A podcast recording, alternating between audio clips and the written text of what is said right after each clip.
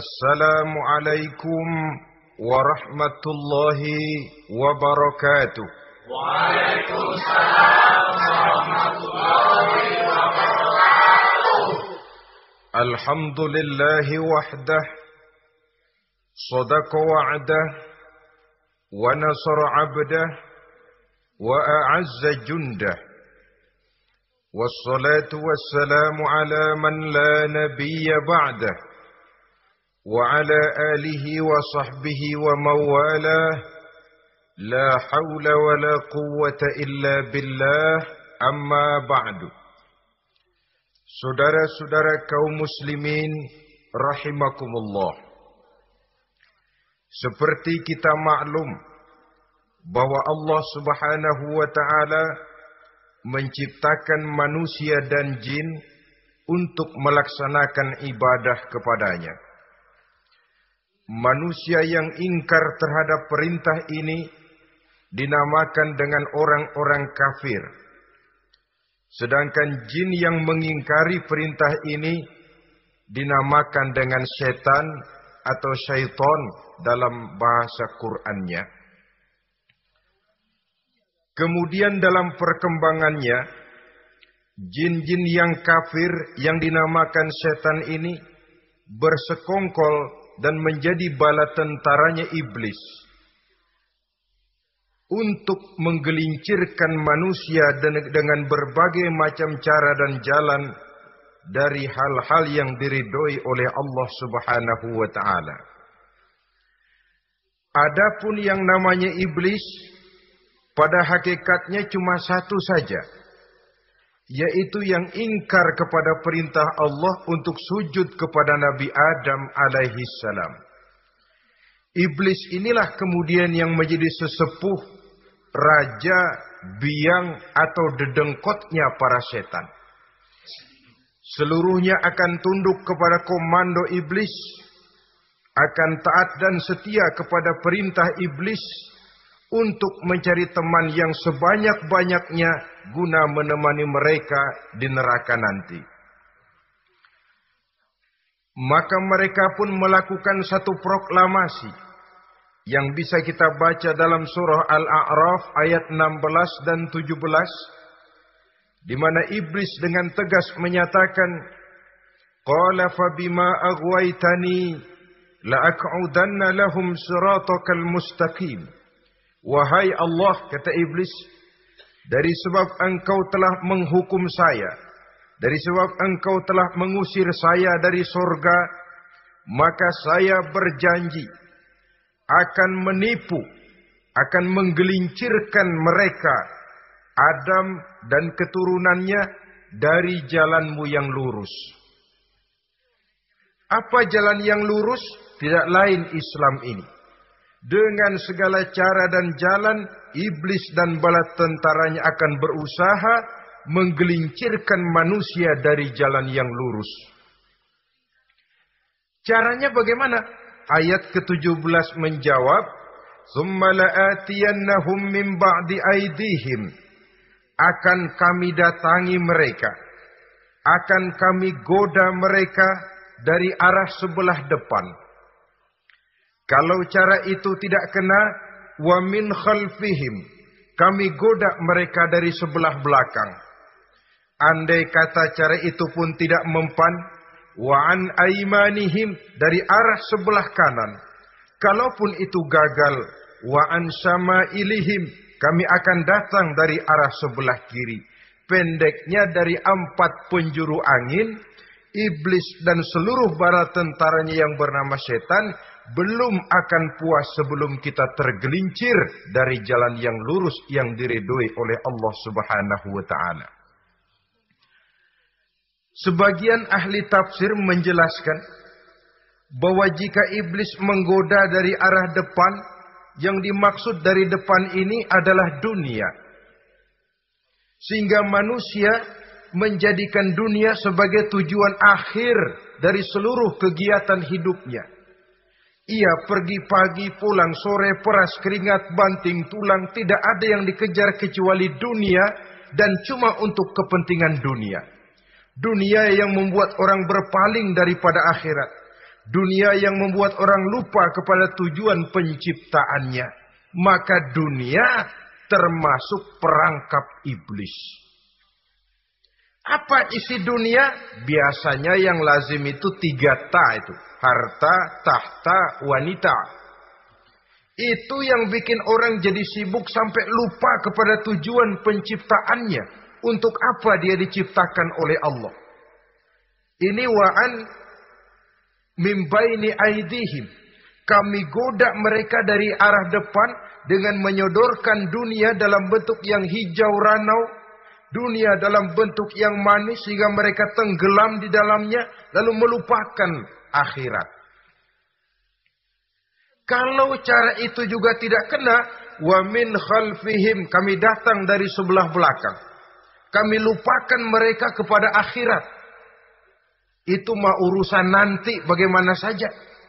Yang penting yang kita hadapi sekarang apa? Dunia, akhirat kita belum tahu dan bahkan belum tentu ada.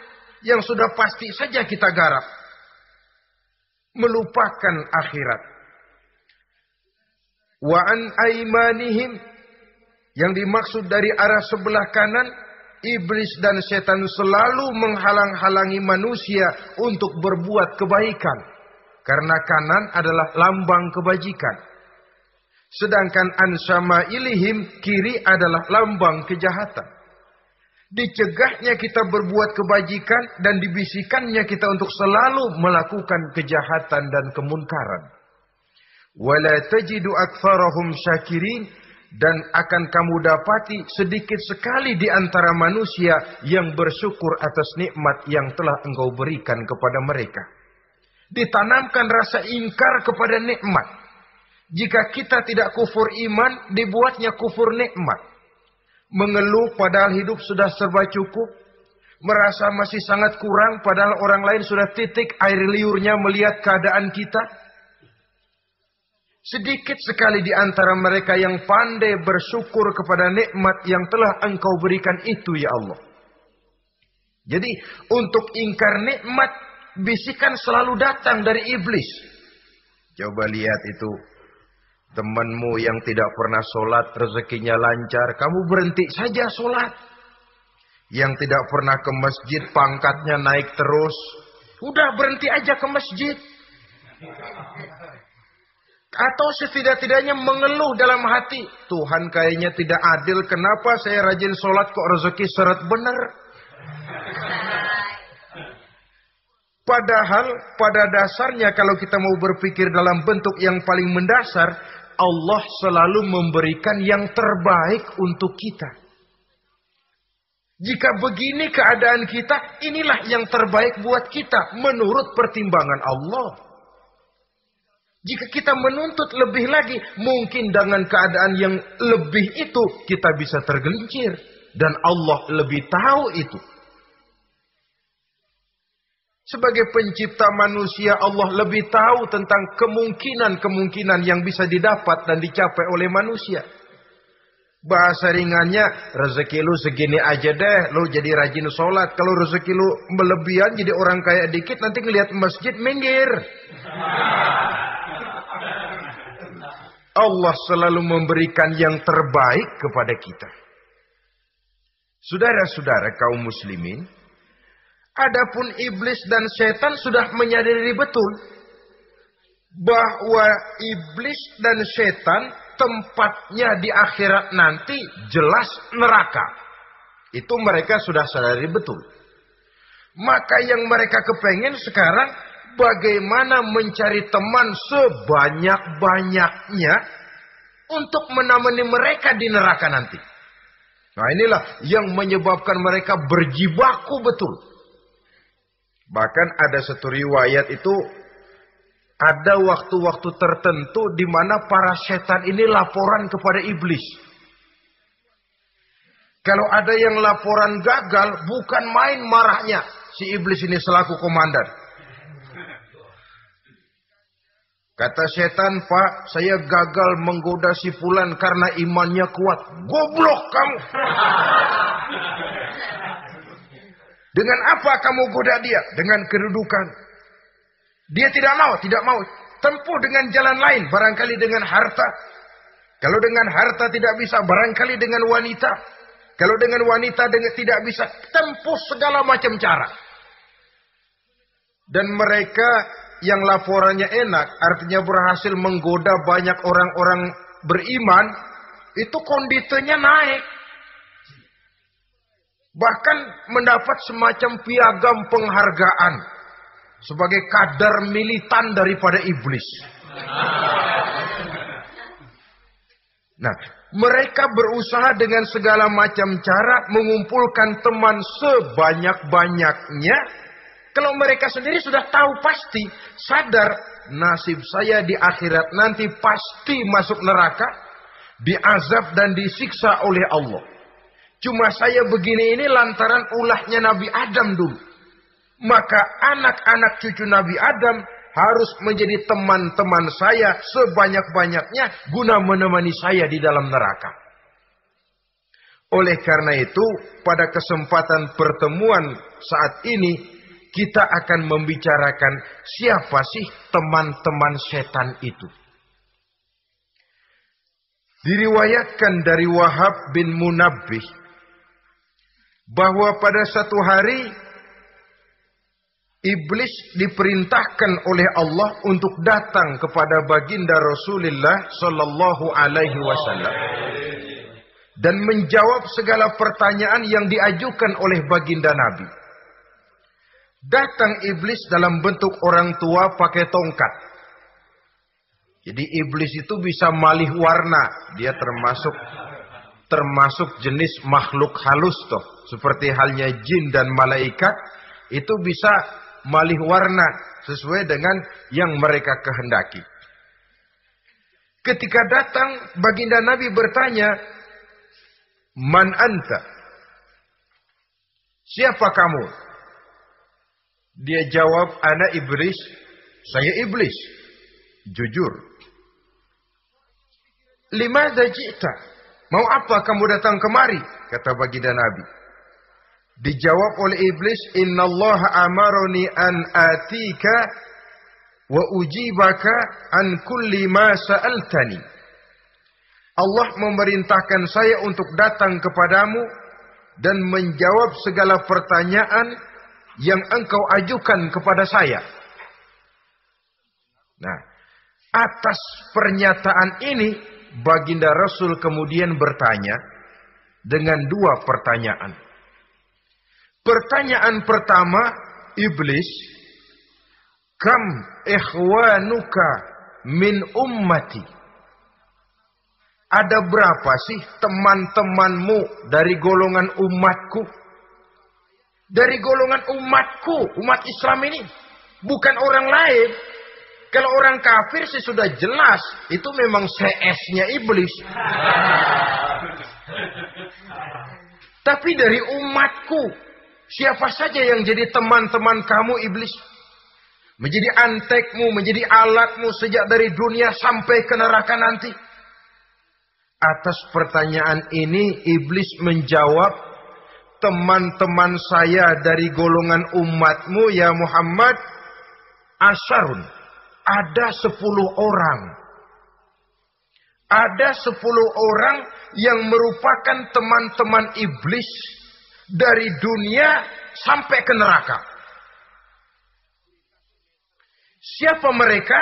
Pertama kata iblis teman saya hakimun jair. Hakim yang curang. Hakim yang tidak adil. Ini bisa dimaklumi. Kenapa? Karena hakim diharapkan adalah produk keadilan. Sehingga orang mengatakan seorang hakim adalah seorang yang meletakkan sebelah kakinya di sorga dan sebelah lagi di neraka. Kalau adil dia menghukum, kaki sebelah kanan yang akan menentukannya ke sorga. Kalau licik dia menghukum, kaki sebelah kiri yang akan menjerumuskan dia ke dalam neraka. Saudara-saudara kaum muslimin rahimakumullah. Sesungguhnya dalam kehidupan Kurangnya sandang pangan bukan satunya-satunya sebab yang membuat orang menderita.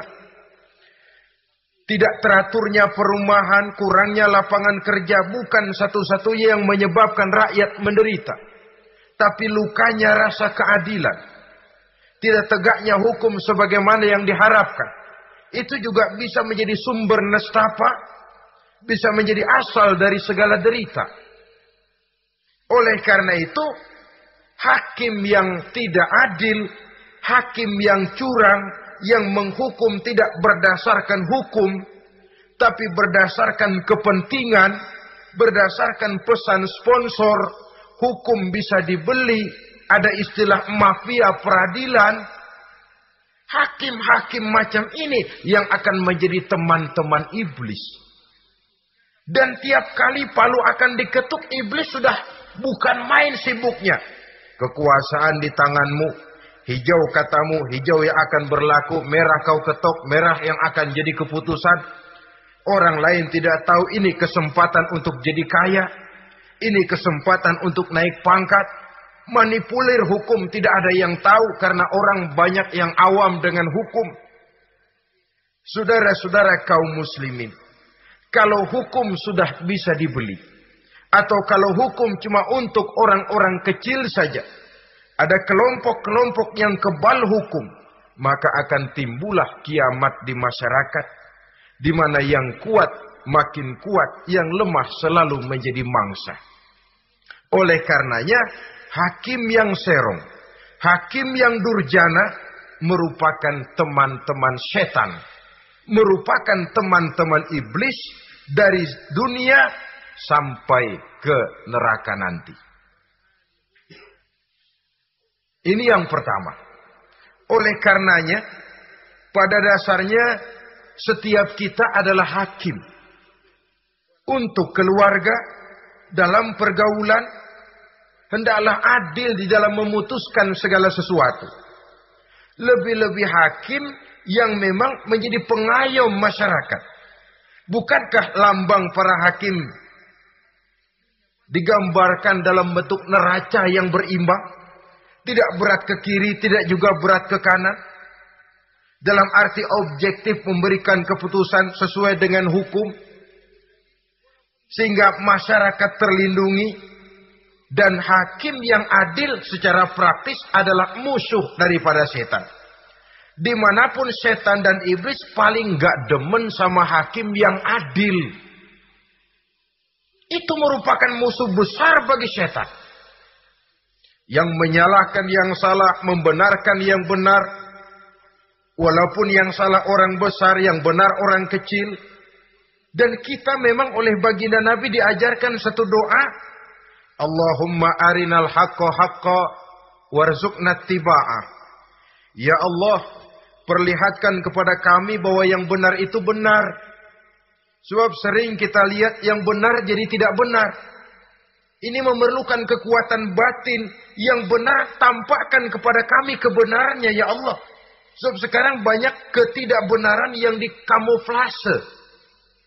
Banyak ketidakbenaran yang diberikan lipstick. Sehingga kelihatannya menjadi benar. Ini baik doa ini saya pikir dibaca oleh para hakim.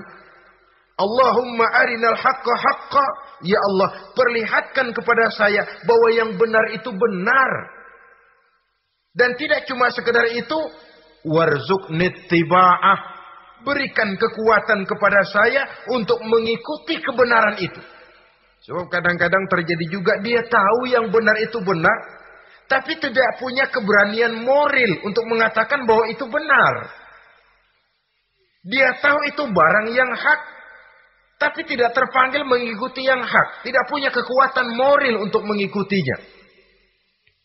Lalu doa ini pun disambung wa arinal batila batilan warzuqna ijtinaba wahai Allah perlihatkan kepada kami bahwa yang batil adalah batil bahwa yang salah adalah salah bahwa yang munkar adalah munkar berikan kepada kami kekuatan untuk menjauhi yang munkar yang batil, yang zalim.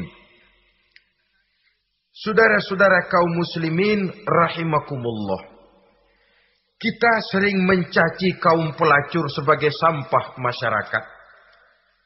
Tapi sadarkah kita bahwa pelacuran di bidang hukum, pelacuran di bidang intelektual, kadang-kadang pelacuran di bidang agama, dalam arti menjual ayat untuk membela yang salah dan menekan yang benar.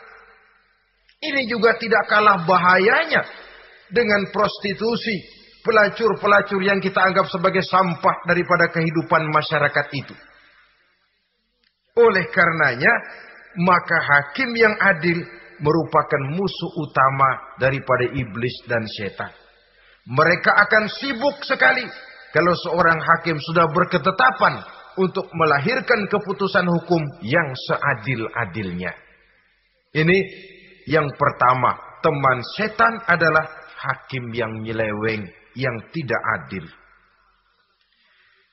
Yang kedua, teman saya kata iblis, ghaniyun mutakabbir. Orang kaya yang sombong. Orang kaya sombong itu teman setan. Orang miskin sombong itu lebih teman lagi tuh. Sebab ini sudah kelewatan. Kalau orang kaya sombong barangkali ya, barangkali masih lumayan lah, memang kaya. Tapi kalau sudah miskin, sombong, minta ampun. Orang kaya yang sombong adalah musuh iblis. Sebab pada hakikatnya tidak ada yang kaya dalam kehidupan ini kalau sudah bercermin kepada apa sih yang kita punya.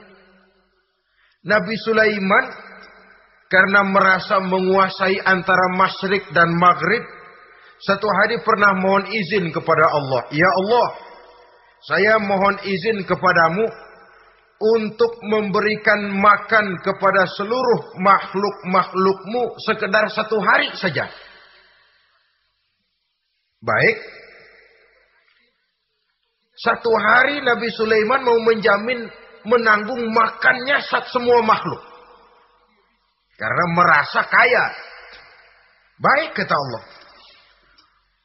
Lalu sibuklah Nabi Sulaiman mengadakan persiapan. Seluruh bala tentaranya, jin, binatang dikumpulkan, mengumpulkan makanan yang sebanyak-banyaknya diatur di satu lapangan yang sangat luas. Sebab ini yang mau makan tentu tidak sedikit. Nah, sudah selesai persiapan, kata Allah, sudah selesai Sulaiman? Sudah ya Allah. Nah, aku mulai dari makhlukku yang paling di, di bawah. Ikan. Ikan nun dipanggil oleh Allah. Rezekimu hari ini mau ditanggung Sulaiman. Naik, makan. Naik ikan ini. Sekali makan seluruh persiapan habis.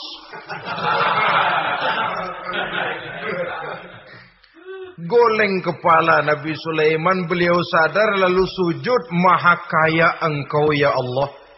Boro-boro nanggung makanan semua makhluk hidup sehari. Ikan satu nggak keurusan. Ini baru sekali makan, bagaimana nambahnya? Jadi apa sih yang kita anggap kaya ini? Maka orang kaya yang sombong pada hakikatnya kacang yang lupa akan kulitnya. Tidak ada yang kita bawa pada saat kita terlahir ke alam ini. Sebagaimana juga tidak ada yang kita bawa pada saat kita meninggalkan alam ini. Harta kita akan pindah nama, Sebab itu yang perlu kita jaga pada hakikatnya tidak lain nilai-nilai iman. Sebab ini yang akan kita bawa. Cuma ironinya, karena iman itu abstrak, bukan benda, orang yang kehilangan iman tidak pernah ribut. Sebaliknya karena harta itu materi, benda konkret, orang yang kehilangan harta cepat merasa, cepat ribut. Motor hilang, ribut. Kenapa? Motor itu benda, kelihatan. Duit hilang, ribut. Televisi hilang, ribut. Kenapa? Benda. Tapi kalau iman yang hilang, wah kelihatannya tenang-tenang saja, Pak.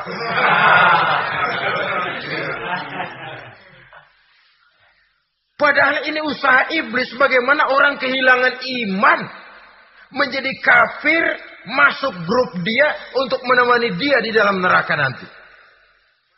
Dia gelincirkan iman kita dan kita sering tanpa terasa telah mengalami pergeseran nilai-nilai iman kalau tidak tergusur sama sekali.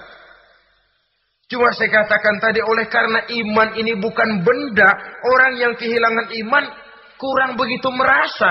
Padahal ini yang paling berharga. Sebab ini yang akan kita bawa menghadap Allah. Orang itu kalau sudah yakhruju minad dunya bighairi iman. Keluar dari dunia, meninggalkan dunia dan seluruh isinya kembali menghadap Allah dengan tidak membawa iman. Tempatnya jelas sudah. Itu yang paling kita khawatir. Pangkat jelas tidak kita bawa harta benda akan pindah nama jadi milik ahli waris kita. Tiba-tiba iman yang cuma satu itu tempat kita bergantung hilang juga dari diri kita. Dengan apa kita mau menghadap Allah? Dan kemalangan apa yang lebih besar dari orang-orang yang telah kehilangan iman pada saat dia menghadap Allah Subhanahu wa taala. Karena itu, saudara-saudara, terutama yang diberikan amanah berupa harta oleh Allah dalam kehidupan ini. Bersyukurlah kalau saudara diberikan kepercayaan oleh Allah untuk menyalurkan rezeki kepada orang lain. Seperti kran yang nyimpen air tapi tidak untuk dirinya disalurkan kepada yang memerlukannya. Rezeki dia cuma lewat tangan saya. Rezeki dia cuma lewat tangan saya. Berbahagialah orang kalau dipercayai Allah untuk menyalurkan rezeki kepada orang lain. Artinya agen. Wong ditunjuk jadi agen Allah kok nggak bangga. Kalau sudah kemari cara berpikir, insya Allah rasa bakhil bin pelit alias medit bin koret.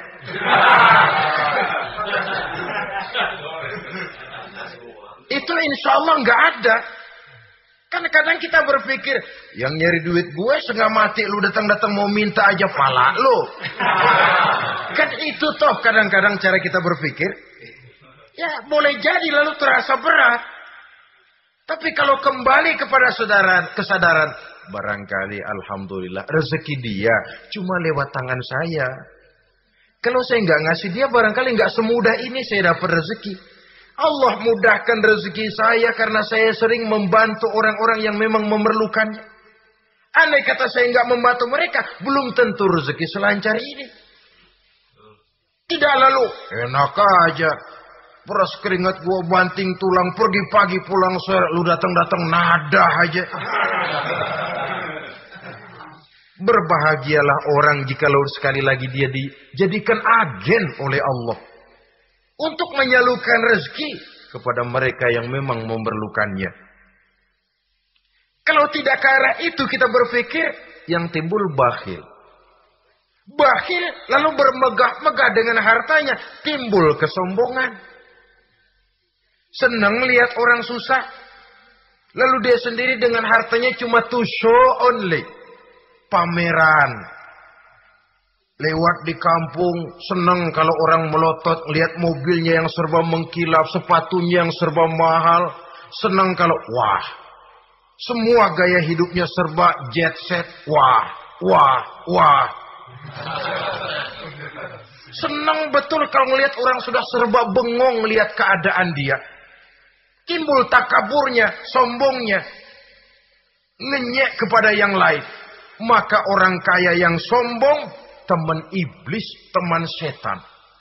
Setan senang betul. Sebaliknya secara praktis, orang kaya yang rendah hati adalah musuh iblis.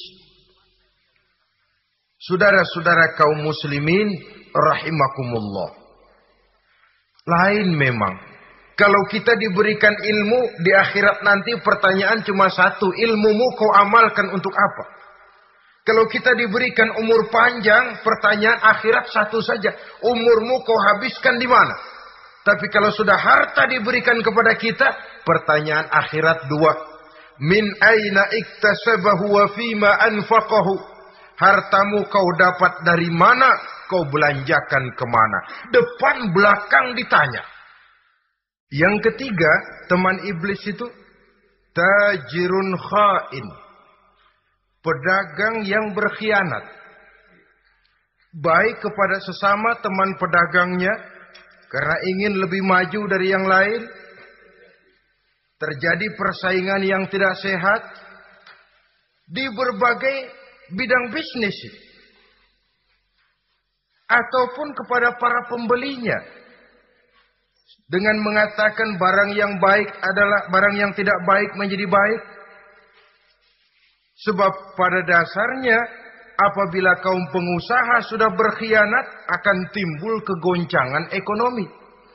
Dan kegoncangan ekonomi dampaknya adalah melahirkan kelas-kelas kemiskinan.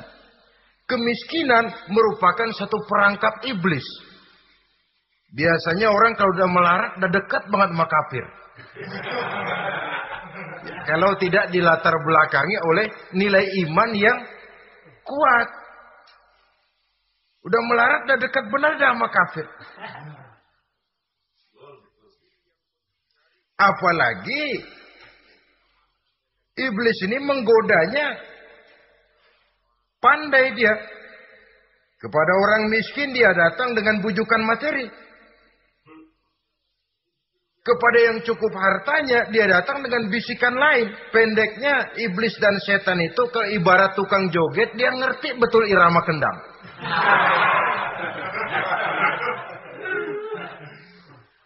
Di mana kelemahan orang itu dia selidiki, dia pelajari dari, dari arah situ dia masuk. Dan secara strategi perang iblis dan setan ini posisinya memang lebih menguntungkan daripada kita. Kenapa? Dia melihat kita, kita mah nggak lihat dia. Dia bisa pelajari kebiasaan dan kecenderungan kita. Kita nggak tahu kadang-kadang kelemahan kita. Dari arah itu dia masuk. Posisi dan strateginya lebih menguntungkan daripada kita. Inilah saja yang dapat kita sampaikan pada pertemuan kali ini. Mudah-mudahan ada manfaatnya.